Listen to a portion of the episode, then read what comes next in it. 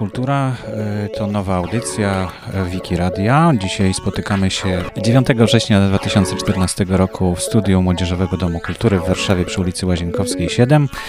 E, będziemy mówić dzisiaj o otwartej nauce i wyzwaniami, jakie przed nami stawia, a nie, właściwie nie przed nami, tylko bardziej przed tymi, którzy mogą coś zmienić, żeby nauka była otwarta i żebyśmy mieli dostęp do badań. E, do wyników tych badań. E, pani, e, moimi gośćmi są pani Lidia Stępińska-Ustasiak. Dzień dobry Państwu. Pan Michał Starczewski. Dzień dobry. I pan Krzysztof Siewicz. Dzień dobry.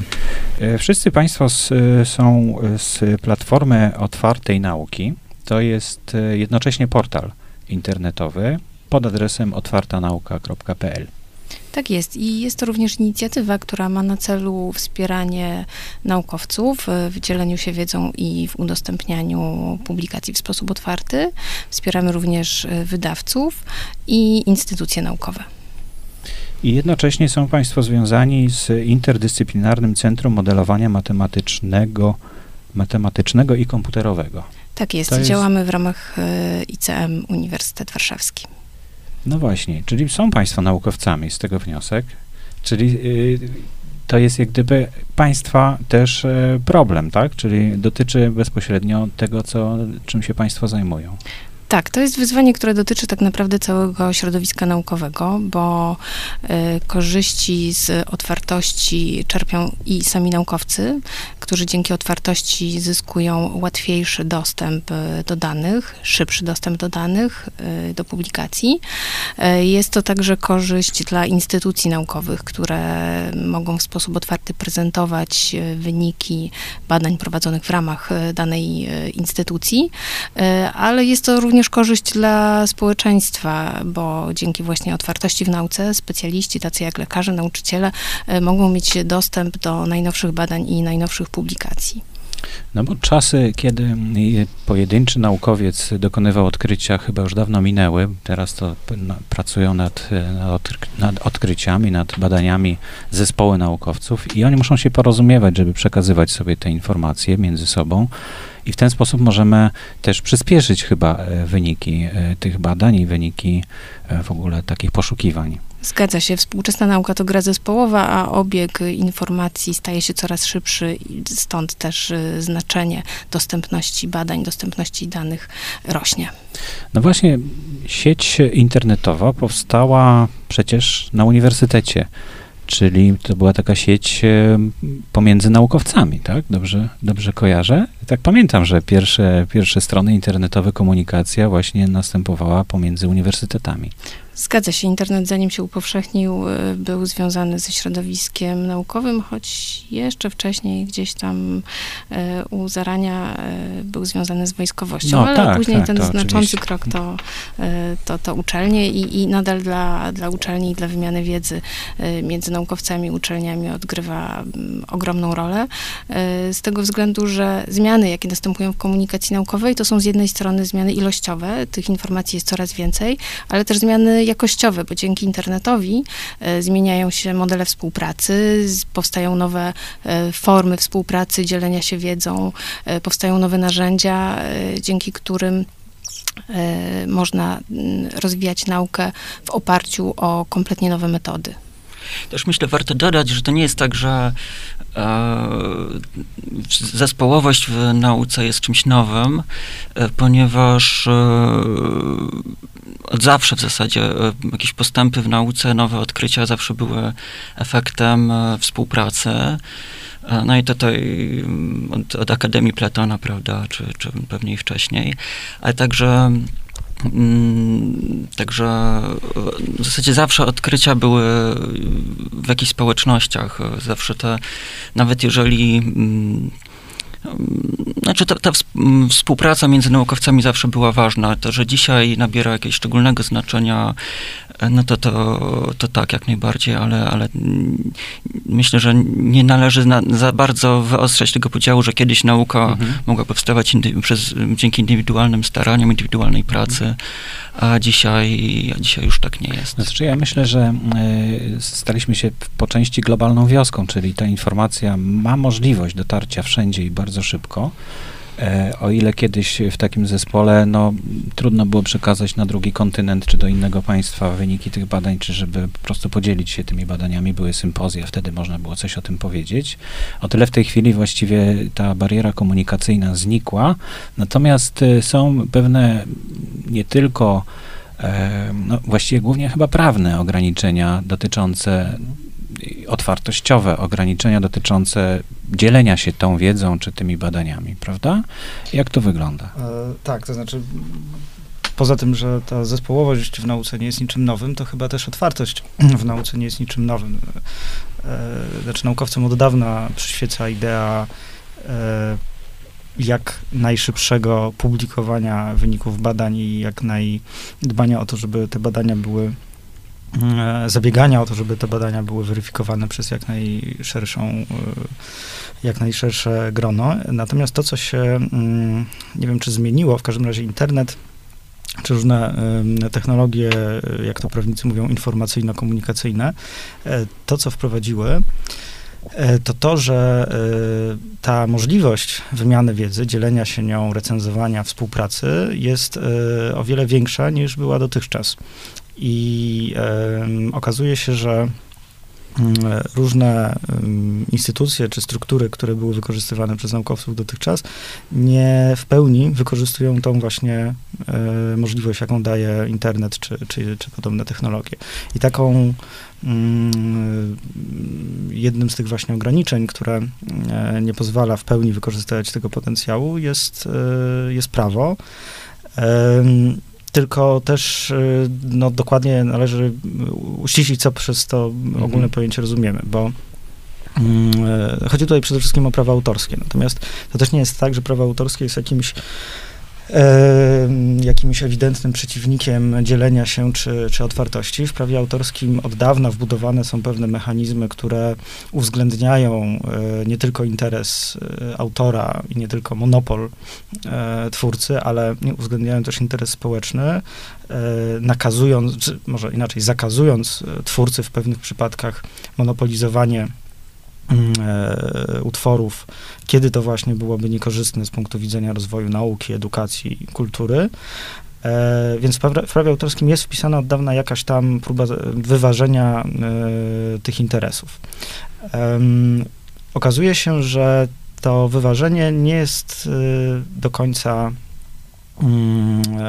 nie, obecnie nie jest, nie jest na tyle, e, ten punkt równowagi nie jest w, w przez prawo autorskie wyznaczony, mhm. wyznaczony w tym miejscu, który byłby e, najbardziej korzystny z punktu widzenia właśnie tej, tych możliwości, które, da, którą daje, którą dają, które dają nowoczesne technologie, dlatego że pomimo tego, że mamy, zwłaszcza w polskim prawie autorskim, szereg różnych przepisów, które pozwalają korzystać z utworów w celach na przykład naukowych, badań naukowych, e, bez konieczności uzyskiwania zgody twórcy, czyli bez tego dużego, biurokratycznego wręcz e, obciążenia, które wymaga, e, które wymaga uzyskiwania różnych zgód, podpisywania umów, to pomimo istnienia takich właśnie przepisów, korzystanie, korzystanie z nich w praktyce bardzo często jest, e, jest utrudnione. Bardzo często nie można znaleźć e, twórcy różnych e, utworów. Czasami nie można ustalić ich dokładnego statusu prawnego, pomimo, że by się wydawało, że na przykład jest dosyć jasna reguła, że prawa autorskie wygasają 70 lat po śmierci twórcy. Jeżeli już mamy do czynienia z utworem chronionym, to bardzo często nie do końca wiadomo, czy ten rzeczywiście sposób, który, na który chcemy ten utwór e, wykorzystywać, rzeczywiście mieści się w tych dosyć wąsko określonych mm, swobodach użytkowników e, na cele na przykład e, naukowe. Dlaczego tak się dzieje? No dlatego, że te przepisy bardzo często powstawały dosyć dawno, a od tego czasu pojawiły się różne, czasem bardzo innowacyjne metody korzystania z utworów, które nie do końca przystają do tego, co w tych przepisach w, w, w, zostało zawarte. I otwarty dostęp polega na tym, że staramy się te, te ograniczenia prawne e, usuwać.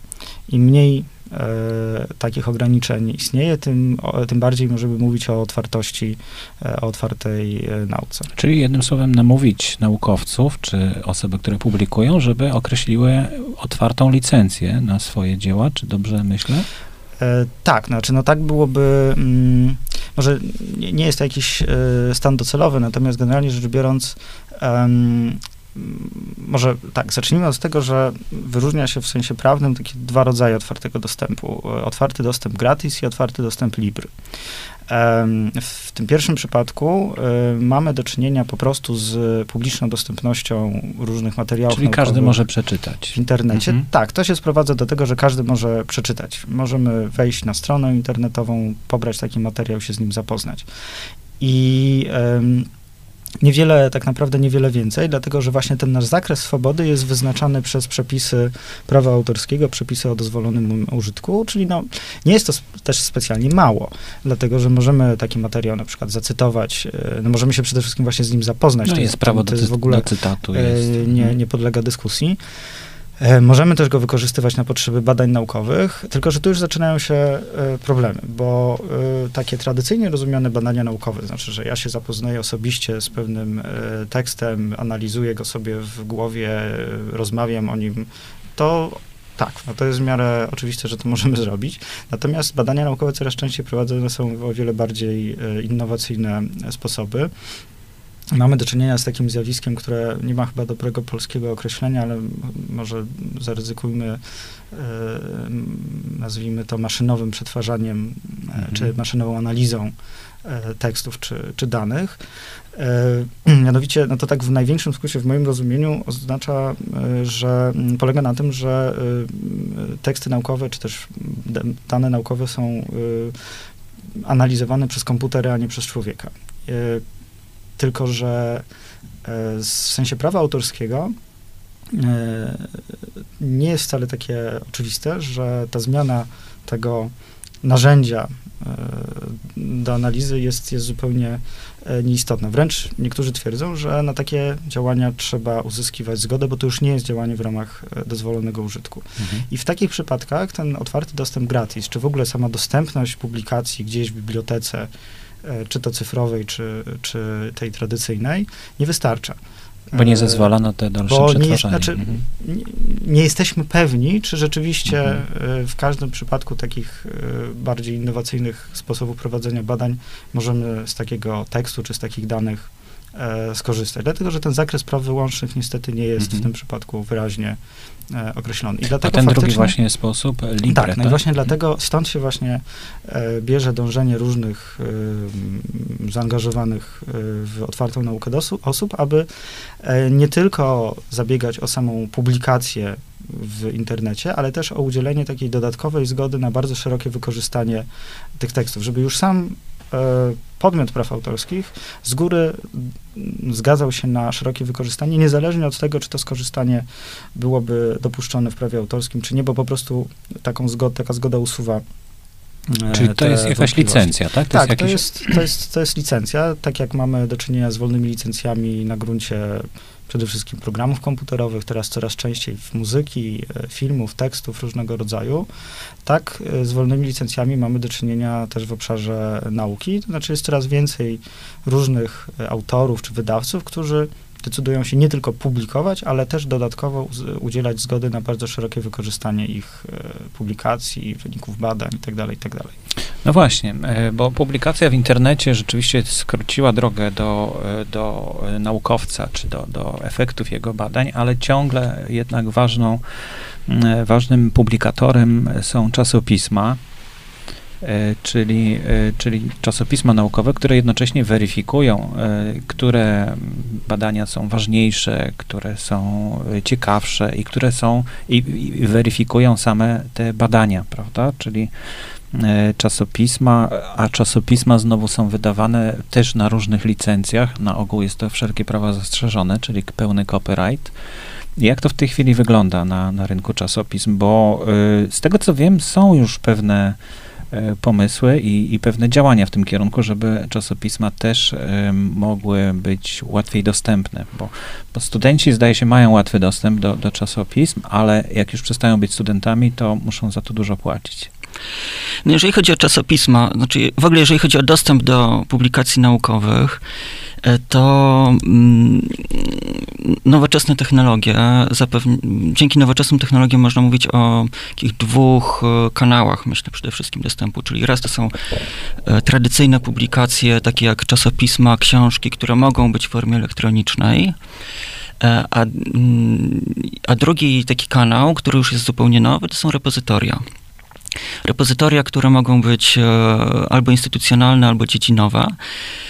E, I może o repozytoriach trochę później, a jeżeli teraz chodzi o te tradycyjne czasopisma, Teraz jest taki trend w nauce, że takim podstawowym kanałem oceny pracy naukowej są czasopisma. To oczywiście jest inaczej w naukach w obszarze nauk humanistycznych i społecznych, inaczej w obszarach nauk technicznych, przyrodniczych, medycznych. naukowcy często mówią, o moja publikacja była w Lancecie, prawda, albo w mhm tak. National Geographic albo w jakimś innym czasopiśmie. To jednak e, jest, e, świadczy o jakiejś renomie? Jakimś... E, też różnica między czasopismami a książkami jest taka, że cykl wydawniczy, czy taki cykl życia książki jest o wiele powolniejszy niż czasopisma. Jednak czasopisma, artykuły są szybsze, szybszym kanałem komunikacji.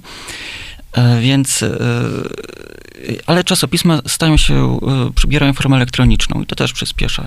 Tylko czasopisma elektroniczne mogą być otwarte, mogą być e, nieotwarte. E, może być różny dostęp do tych czasopism w wersji elektronicznej. W, w Polsce w tej chwili Mamy około 2000 czasopism e, punktowanych, tak zwanych, tak, bo mm, też e, czasopisma naukowe to są e, takie, które spełniają pewne kryteria formalne i możemy tutaj się do tych formalnych, czyli określanych przez ministerstwo w rozporządzeniu, za to są przyznawane, ministerstwo przyznaje punkty czasopismom i jeżeli czasopismo jest punktowane, to mamy pewność, że przynajmniej z punktu formalnego mamy do czynienia z czasopismem czasopismem naukowym. No bo później to ma znaczenie, jeśli chodzi o publikację w takim czasopiśmie, każdy naukowiec. Tak, i przy, później przy ewaluacji, przy ocenianie, ocenianiu jednostek naukowych, e, przy ocenianiu dorobku naukowego e, samych naukowców, później przy staraniu się o granty, o, o pozyskiwanie pieniędzy na, na finansowanie, o no, po prostu kariery naukowe, tak. Więc um, czasopism punktowanych mamy około 2000 w Polsce. I no, są punkty, to, to, jest dość dużo w porównaniu z no też za, zagranicznymi. No to, to jest może trochę inny temat niż, niż sam temat otwartości w nauce. To Dlaczego tak właśnie, się bierze? To, nie, to nie jest przez przypadek. Właśnie, czy one są e, otwarte i jakie to, są szanse, żeby były One są, e, właśnie to wynika z badań, które przeprowadziliśmy do, do raportu e, Otwarta Nauka w Polsce 2014 Diagnoza. I z tych badań wynika, że dużo czasopism jest otwartych. 49% czasopism polskich udostępnia przynajmniej ostatni numer w sposób otwarty. E, czyli bezpłatnie to znaczy na zasadzie dostępu gratis. Tak, na mhm. zasadzie dostępu gratis. E, I to jest, e, to jest dużo. Jeżeli do tego dodać jeszcze czasopisma stosujące tak zwane embargo, czyli stosujące, udostępniające treści po upływie pewnego czasu, to tych czasopism jest jeszcze więcej. Więc z, na czym polega takie embargo? To jest, to, mhm. takie klasyczne embargo polega na tym, że wydawca określa, że dostęp do ostatniego czasopisma jest, e, jest płatny, e, Albo, e, ale po upływie na przykład 6 miesięcy, mhm. 12 miesięcy, albo to jest najdłuższe embargo, na jakie trafiliśmy 5 lat, udostępnia bezpłatnie w internecie mhm. takie treści. Więc e, i, czasopism stosujących embargo jest e, około 200 w Polsce, z, z, tego, co wynika z naszych badań. Czyli to związane jest z tym, że chcą mieć w pewnym sensie wyłączność na to, żeby, nie wiem, lepiej sprzedać swoje to czasopisma? To jest związane też z pewnymi modelami, no nazwijmy to biznesowymi, jakie hmm. funkcjonują, bo to też te czasopisma są, często są to czasopisma działające przy uniwersytetach, a czasami są to czasopisma wydawane przez prywatnych wydawców. E, więc e, też jakieś takie intencje czy motywacje, które kierują wydawcami, też są różne. Mm, też w przypadku prywatnych wydawnictw to też nie jest tak, że mm, źródła finansowania takiego czasopisma, że, że, te czasopisma są finansowane przez, przez prenumeratorów. Tak? Często to i tak mhm. bardzo ważnym źródłem finansowania jest dotacja z ministerstwa. Więc więc jest, jest powiedzenie, że każde czasopismo to jest inny przypadek, to jest może przesada, ale, ale tych przypadków e, e, modeli funkcjonowania czasopism jest bardzo dużo. Mm, też na pewno warto było. Są pewnie jakieś takie główne, prawda, modele, czyli to embargo, to jest jakiś jeden z takich głównych pewnie modeli. Myślę, że można powiedzieć, że są czasopisma związane z uniwersytetami, takie bardzo, bardzo akademickie, takie, gdzie to czasopismo jest bardzo naturalną konsekwencją działalności instytucji, tak, czyli e, uniwersytet zatrudnia naukowców, uniwersytet chce mieć czasopismo, w którym ich pracownicy tej, tego, czas, tej, tego uniwersytetu czy tej jednostki badawczej mogą publikować. I wtedy takie czasopismo jest e, też wizytówką pewną. I aspekt jakiś komercyjny tu jest e, mniej istotny. Ale są wydawnictwa, e, są, są czasopisma wydawane przez, czasop, przez wydawców, którzy, dla, dla których to bilansowanie, balans, bilans musi być bardziej zrównoważony. Tak? To nie jest tak, że dostają dofinansowanie i, i się mogą mniej przejmować jakimś poziomem subskrypcji, tak, czy tak dalej. To jest... Um, to, to, to, trzeba, to też nie jest do, końca jeszcze. Um, to, to są, są, różne te modele, tak? I to, to też nie, nie jest tak, że teraz ktoś e, przyjdzie i powie, że. Um, znaczy, wszelkie zmiany, jakie, e, jakie, jakie są proponowane w, w nauce, w systemie komunikacji naukowej, powinny uwzględniać e, różne te modele. I tę różnorodność modeli widać było również w wynikach ankiety, jaką przeprowadziliśmy mhm. wśród wydawców. E, zadaliśmy im szereg pytań po to, żeby sprawdzić, co wydawcy myślą o otwartości, jakie jest ich podejście do otwartego dostępu. To było takie uzupełnienie analizy, o której opowiadał e, Michał. E, I tam dawało się wyłapać pewne, można powiedzieć, sprzeczności. Jedni wydawcy uważali, że przejście na otwarty model zwiększa sprzedaż egzemplarzy drukowanych, inni uważali, że wręcz przeciwnie zmniejsza sprzedaż y, egzemplarzy drukowanych. Y, pytaliśmy ich o to, y, jakie są ich odczucia, co się zmieniło, kiedy wprowadzili otwarty model. I opowiadali między innymi o tym, że otwartość pozwala im e, lepiej docierać do czytelników, co jest oczywiste, ale mówili również o tym, że dzięki otwartości mają e, więcej autorów, także autorów zagranicznych. E, generalnie odpowiedzi pokazywały, że otwartość przekłada się też później na jakość czasopisma jako takiego, że są lepsze treści, więcej autorów.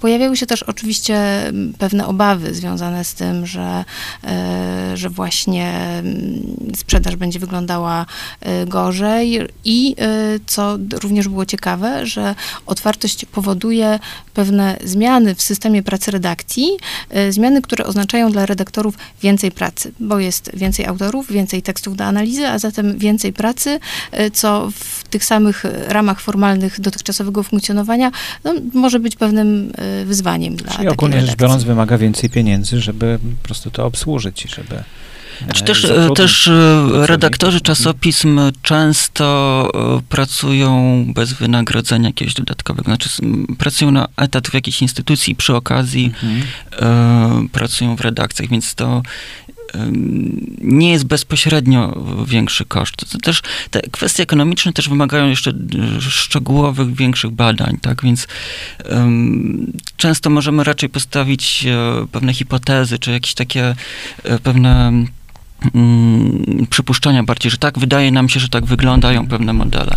Czyli rozumiem, że nie ma jakiegoś takiego sprzeciwu totalnego przeciwko otwartości w czasopismach, tylko jest takie przyglądanie się raczej, tak? Czyli Myślę, wydawcy... że to jest bardzo dobrze powiedziane, bo y, są wydawcy, którzy próbują eksperymentować z tymi, to, to nawet nie mówią, że to są modele otwarte, tak? Bo też y, my tu używamy pewnych pojęć, pewnych, y, które jakoś funkcjonują na świecie, właśnie modele gratis libre, ale e, naukowcy czy wydawcy e, próbują odnaleźć się w tej rzeczywistości, która jest, e, wykorzystywać te mm, środki techniczne, jakie się pojawiają, bez wchodzenia w jakieś podziały, które my tutaj proponujemy, więc no to, to też świadczy o pewnej potrzebie yy, i dostosowania się do tych zmian, i odpowiedzenia, i wykorzystania tych zmian. To pocieszające, bo y, jeśli mówimy też o podręcznikach, e-podręcznikach, to wydawcy stanęli tutaj, że tak powiem, zupełnie okoniem i nie chcą absolutnie do tego się przykładać. Robią e-podręczniki, ale nie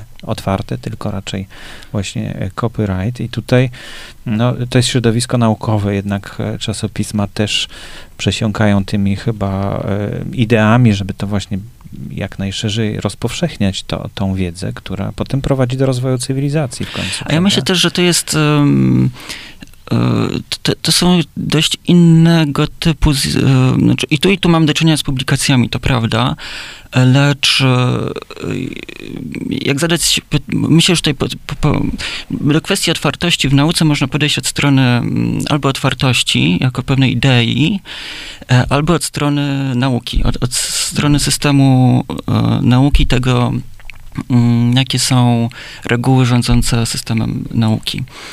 E, I, I, jak się podejść od tej drugiej strony, mm, to okaże się, że e, naukowcy są dość e, szczególną grupą autorów. Tak? To, są, to jest grupa autorów, która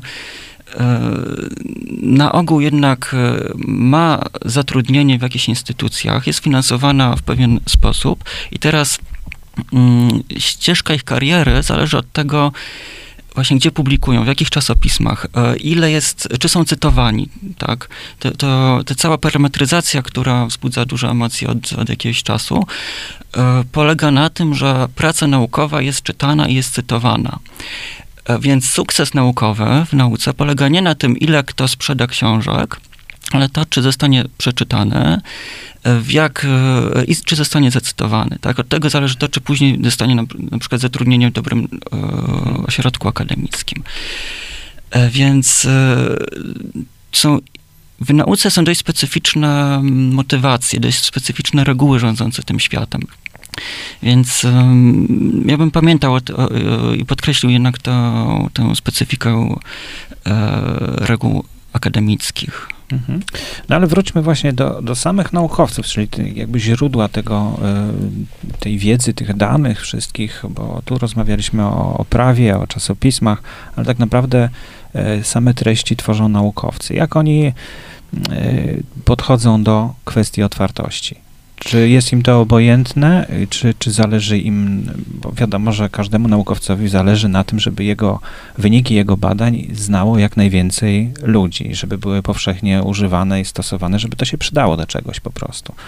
Ale y, czy, czy mają sposób na to, żeby y, tutaj no, jednocześnie i E, i właśnie, żeby to był do, dostęp w miarę powszechny, ale jednocześnie, żeby też mogli na tym zarobić, tak? Czy, czy oni mają takie podejście w ogóle, żeby, żeby zarobić na swoich badaniach? Czy to nie jest zupełnie komercyjne, to podejście? Y, tego nie badaliśmy, natomiast na uzyskane w ankiecie liczby możemy spojrzeć dwojako. Możemy widzieć szklankę do połowy pełną albo szklankę do połowy pustą. Y, w wynikach widać, że 40% przebadanych przez nas y, naukowców, a w ankiecie wzięło udział ponad 3000 przedstawicieli środowiska naukowego, tak więc, że te 40% nigdy nie udostępniło niczego w sposób otwarty. E, regularnie e, umieszcza pracę w otwartym dostępie około 12%, e, czyli nie jest to jakaś oszałamiająca liczba.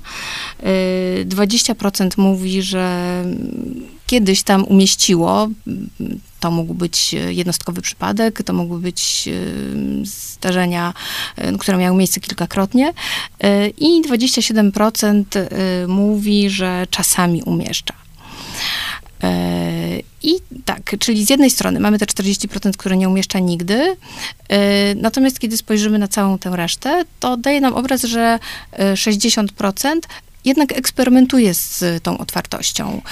Jedni wprawdzie w sposób regularny, inni w sposób incydentalny, ale oznacza to de facto, że słyszeli o otwartym dostępie i próbują jakoś się w tej rzeczywistości odnaleźć. Czyli czują, że mają jednak wpływ na to, tak? Bo, bo rozumiem, że jeśli oddajemy do czasopisma, no to już nie zastanawia się taki naukowiec, w jaki sposób to będzie udostępniane chyba prawda? Bo, bo to czasami już się zastanawia, się. czasami mhm. nie. Pytaliśmy Aha. też e, naukowców o to, czym kierują się wybierając miejsce publikacji i oczywiście ciągle kluczowymi kryteriami są te kryteria, o których mówił Michał, te, które decydują o sukcesie w nauce, czyli, czyli punktacja, czyli tak zwany impact factor.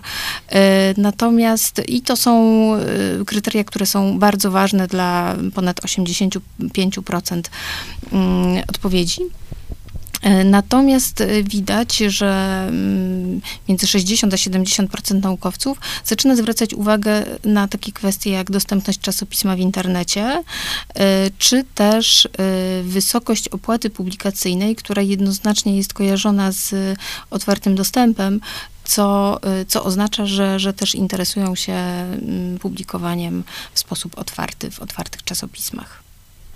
Czyli interesują się tym, to, to już jest chyba dużo, prawda? Bo y, wczoraj opublikowałem rozmowę y, z wiceministrem y, Włodzisławem Duchem na temat właśnie otwartości w nauce. No i tak chyba wszyscy są zgodni co do tego, że otwartość w nauce powinna być jak największa. Czy są jacyś przeciwnicy zadeklarowani na przykład. Czy ktoś mówi, że nie, tak nie będzie, bo ja tego nie chcę, ja nie zgadzam się z tym. Oczywiście każda idea ma swoich zwolenników mhm. i swoich przeciwników. E, w ankiecie próbowaliśmy też zdiagnozować e, pewne przekonania, wyobrażenia, obawy dotyczące otwartego dostępu. E, pytaliśmy o różne kwestie, o to, czy naukowcy uważają, że otwarty dostęp być może obniża jakość publikacji. Pytaliśmy też o, o kwestie związane z plagiatami, próbując zdiagnozować, czy prawdą jest, że e, naukowcy obawiają się wzrostu plagiatów w wyniku umieszczania prac w otwartym dostępie. Mm, nasze badania nie potwierdziły, żeby te obawy były bardzo wysokie. Tak więc i raczej generalnie postrzeganie y, otwartości jest y, pozytywne. Naukowcy uważają, że tak, y, to usprawnia obieg informacji naukowej, tak ułatwia dostęp do wiedzy. Tak więc tych, tych obaw nie ma zbyt wielu. Mhm. A co jeszcze możemy w tym dokumencie, bo to dosyć obszerny dokument jest, zdaje się, prawda? przypomnijmy, jak on się nazywa. To jest diagnoza, Raport e, Otwarta Nauka mhm. w Polsce 2014, diagnoza. Mhm. Y, można go znaleźć w otwartym dostępie, rozumiem. Oczywiście. Oczywiście. Na stronie y, ja tutaj mam pon.edu.pl.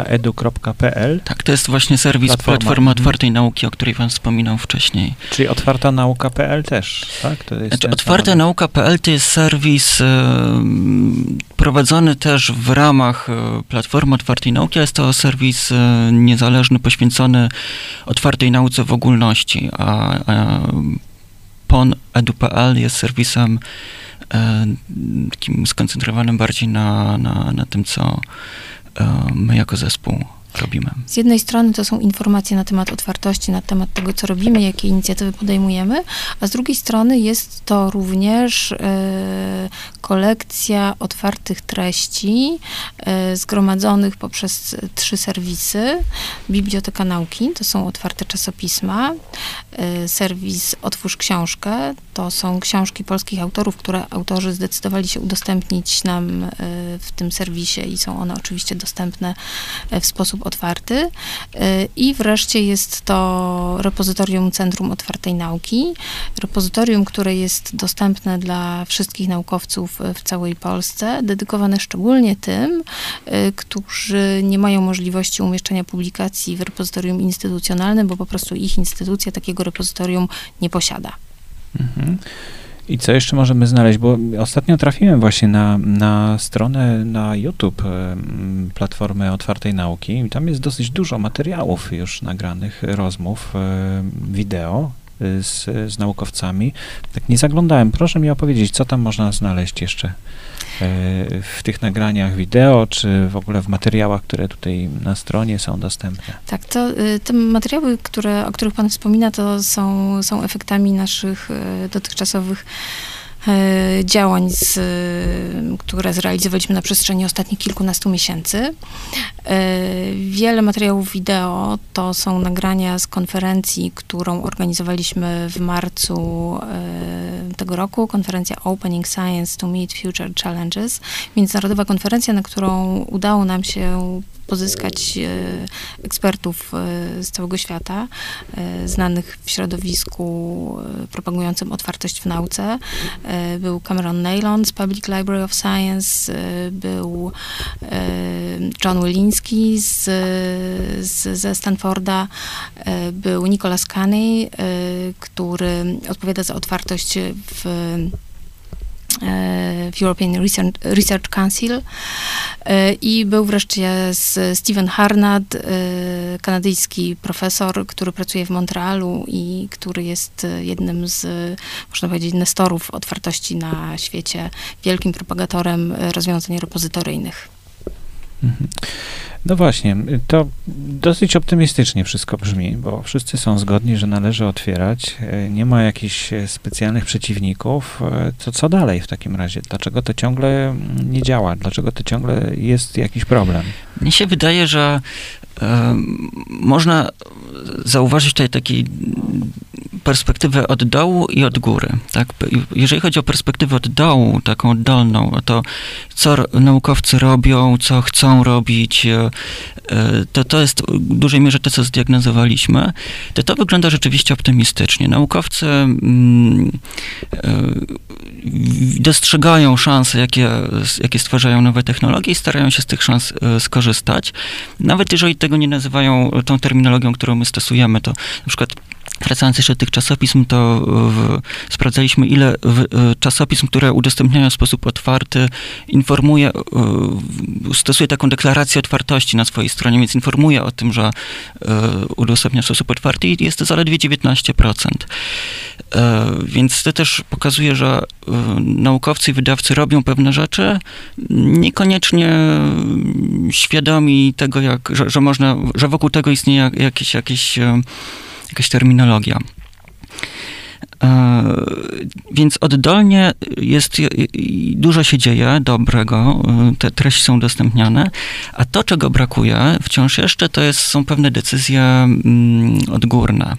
A więc tego, żeby e, ta ta otwartość, którą można nazwać tak trochę e, humorystycznie partyzancką otwartością, e, żeby nabrała cech e, pewnej usystematyzowanej praktyki, praktyki, która będzie uporządkowana na poziomie instytucji, a najlepiej na poziomie całego kraju. Mm, to jest to, co w części prawnej analizowaliśmy polityki instytucji w zakresie otwartości. To w Polsce też taką cechą polskiego systemu nauki jest to, że jest dość mocno scentralizowany. A więc jest Ministerstwo Nauki, są agencja Narodowe Centrum Nauki, Narodowe Centrum Badań i Rozwoju, przez które przechodzi większość pieniędzy finansujących naukę. No to w tym wypadku chyba akurat dobrze, bo to wystarczy centralne zarządzenie. No właśnie. tak by się wydawało. Tak. I, i, I, to stwarza pewne, pewne szanse, żeby to wprowadzić, żeby, żeby uporządkować politykę, polityki otwartościowe mhm. w sposób odgórny. Myślę, że centralne zarządzanie nie wystarczy, bo tutaj muszę zrobić pewne zastrzeżenie do, czy, czy też komentarz do wyników badań, bo y, z jednej strony, kiedy starali, staraliśmy się zbadać postrzeganie otwartego dostępu wśród naukowców, to obraz był pozytywny, natomiast żeby rzeczywiście y, mogła pójść y, za tym wspomniana przez Michała praktyka, potrzeba jeszcze całego szeregu działań, bo nie zawsze naukowcy dysponują odpowiednią wiedzą prawną. Czasami nie wiedzą po prostu, w jaki sposób udostępniać e, te prace, e, więc e, potrzeba jeszcze pewnego rodzaju edukacji. My staramy się wspierać naukowców i od strony prawnej, i, i od strony infrastrukturalnej, natomiast na pewno jest to jeszcze pewien proces, który wymaga czasu. Ja bym tutaj dodał właśnie co do tej infrastruktury jeszcze ważną rzecz, mianowicie to, że mm, tutaj mówiliśmy sporo o czasopismach. To, co powinno się w moim przekonaniu e, bardziej rozwinąć, powinna się rozwinąć sieć repozytoryjna. A więc e, instytucje naukowe powinny w moim przekonaniu zakładać własne repozytoria naukowe, e, które powinny być otwarte i właśnie repozytorium to jest takie narzędzie informatyczne służące do deponowania, do przechowywania i do udostępniania przede wszystkim bieżącego dorobku naukowego. Repozytoria, mm, obecnie w Polsce mamy 24 repozytoria naukowe, tyle, tyle zidentyfikowaliśmy. E, w tym jest tylko jedno repozytorium e, dziedzinowe, to jest niedawno otwarte lektorium.pl, to jest poświęcone naukom historycznym. E, jest jedno repozytorium ponadinstytucjonalne, czyli prowadzone przez Centrum Otwartej Nauki, repozytorium CEON.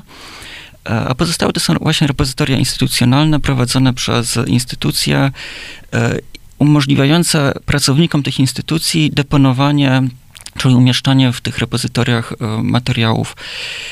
To, co jest charakterystyczne dla repozytoriów, to to, że umożliwiają one zdeponowanie nie tylko ostatniego artykułu, znaczy ostatniego, takiego ostatecznego efektu pracy mhm. naukowej, ale pozwalają także udostępnić e, takie materiały dodatkowe. To mogą być e, mm, dane badawcze, chociaż tutaj należy wskazać pewną potrzebę też tworzenia repozytoriów specjalnie przeznaczonych do udostępniania danych badawczych właśnie, czyli już nie publikacja danych mhm. badawczych. To jest też duży, ważny, coraz ważniejszy temat.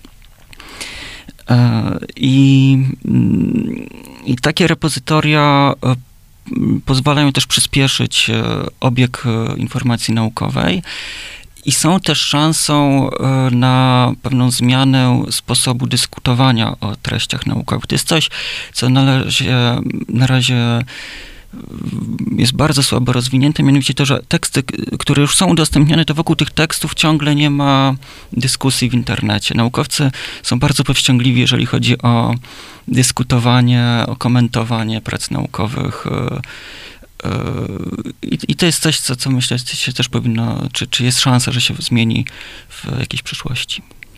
A z punktu widzenia prawnego coś e, jest do zrobienia? W tej dziedzinie otwartości jeszcze? Tak, no, na pewno tak.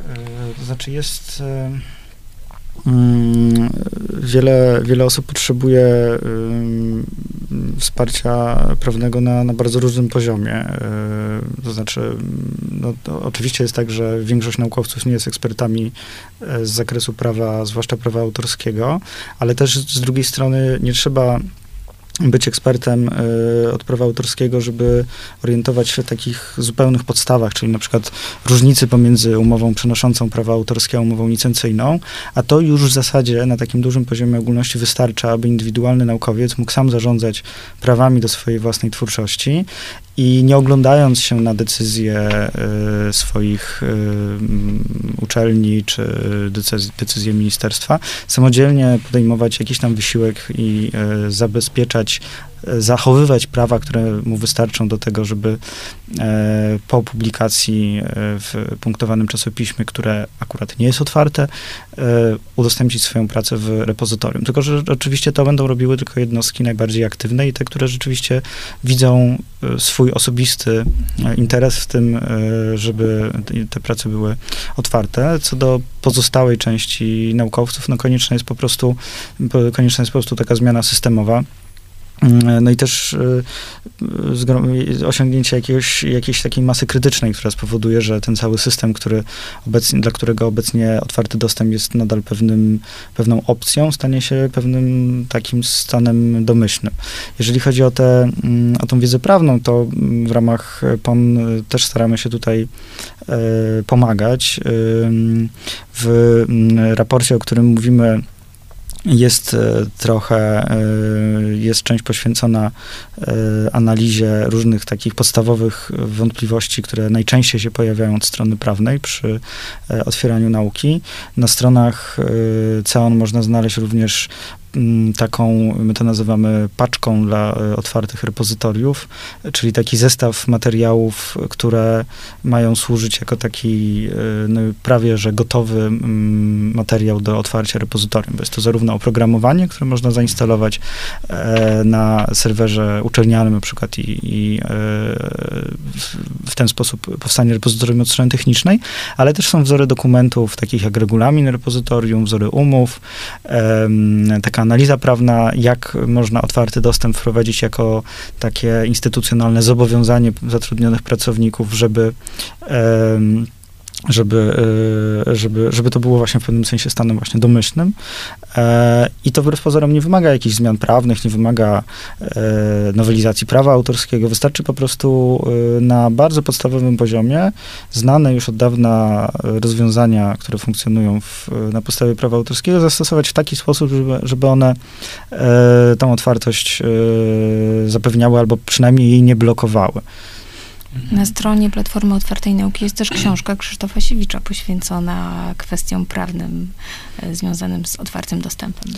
A tak, to ja może jeszcze dodam, że na podstawie tej książki w ostatnim czasie pracowaliśmy nad e, przygotowaniem takiego serwisu internetowego, który pozwoli e, w bardziej taki indywidualny sposób zapoznać się z e, wiedzą na temat otwartego dostępu z perspektywy już konkretnego zainteresowanego, tak? To znaczy autorzy będą mogli zapoznać się z częścią poświęconą dla autorów, wydawcy z częścią dla wydawców i ma to być mm, na, na dużym poziomie interaktywności, to znaczy będzie można, e, odpowiadając na różne zawarte w tym serwisie pytania, e, uzyskać takie mm, e, przygotowane na podstawie tych, tych odpowiedzi no, bardziej zindywidualizowane rekomendacje. Mam nadzieję, że ten serwis ruszy już w najbliższym czasie.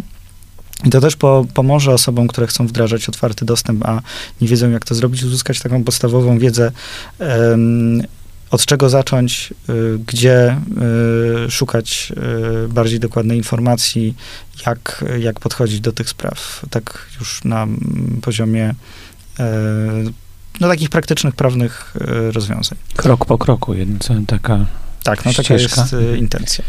Prowadzimy też bezpłatne szkolenia tematyczne związane z otwartym dostępem. Y, tak więc zapraszamy do śledzenia strony Platformy Otwartej Nauki. Tam będziemy zapowiadać kolejne szkolenia, które zaplanujemy na jesień pon.edu.pl. Tak jest.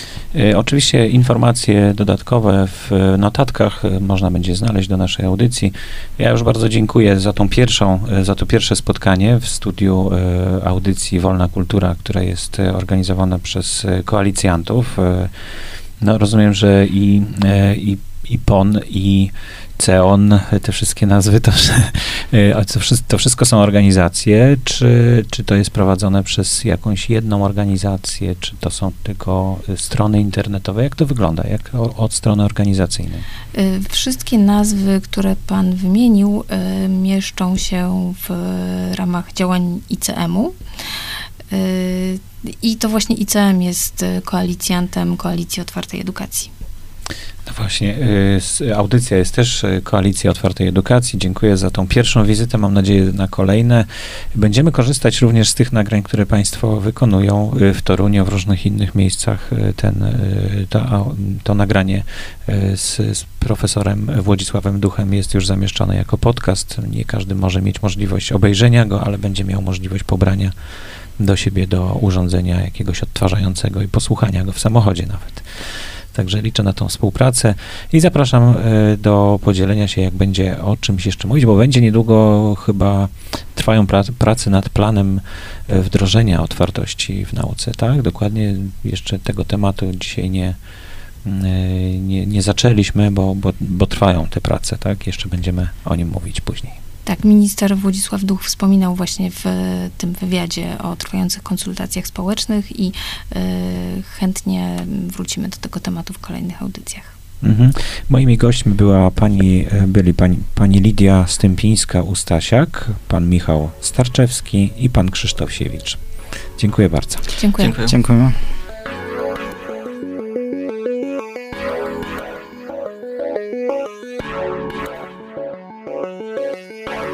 Audycja podcast Wolna Kultura tworzona jest wspólnie z Koalicją Otwartej Edukacji i dostępna na stronie koed.podcasty.info.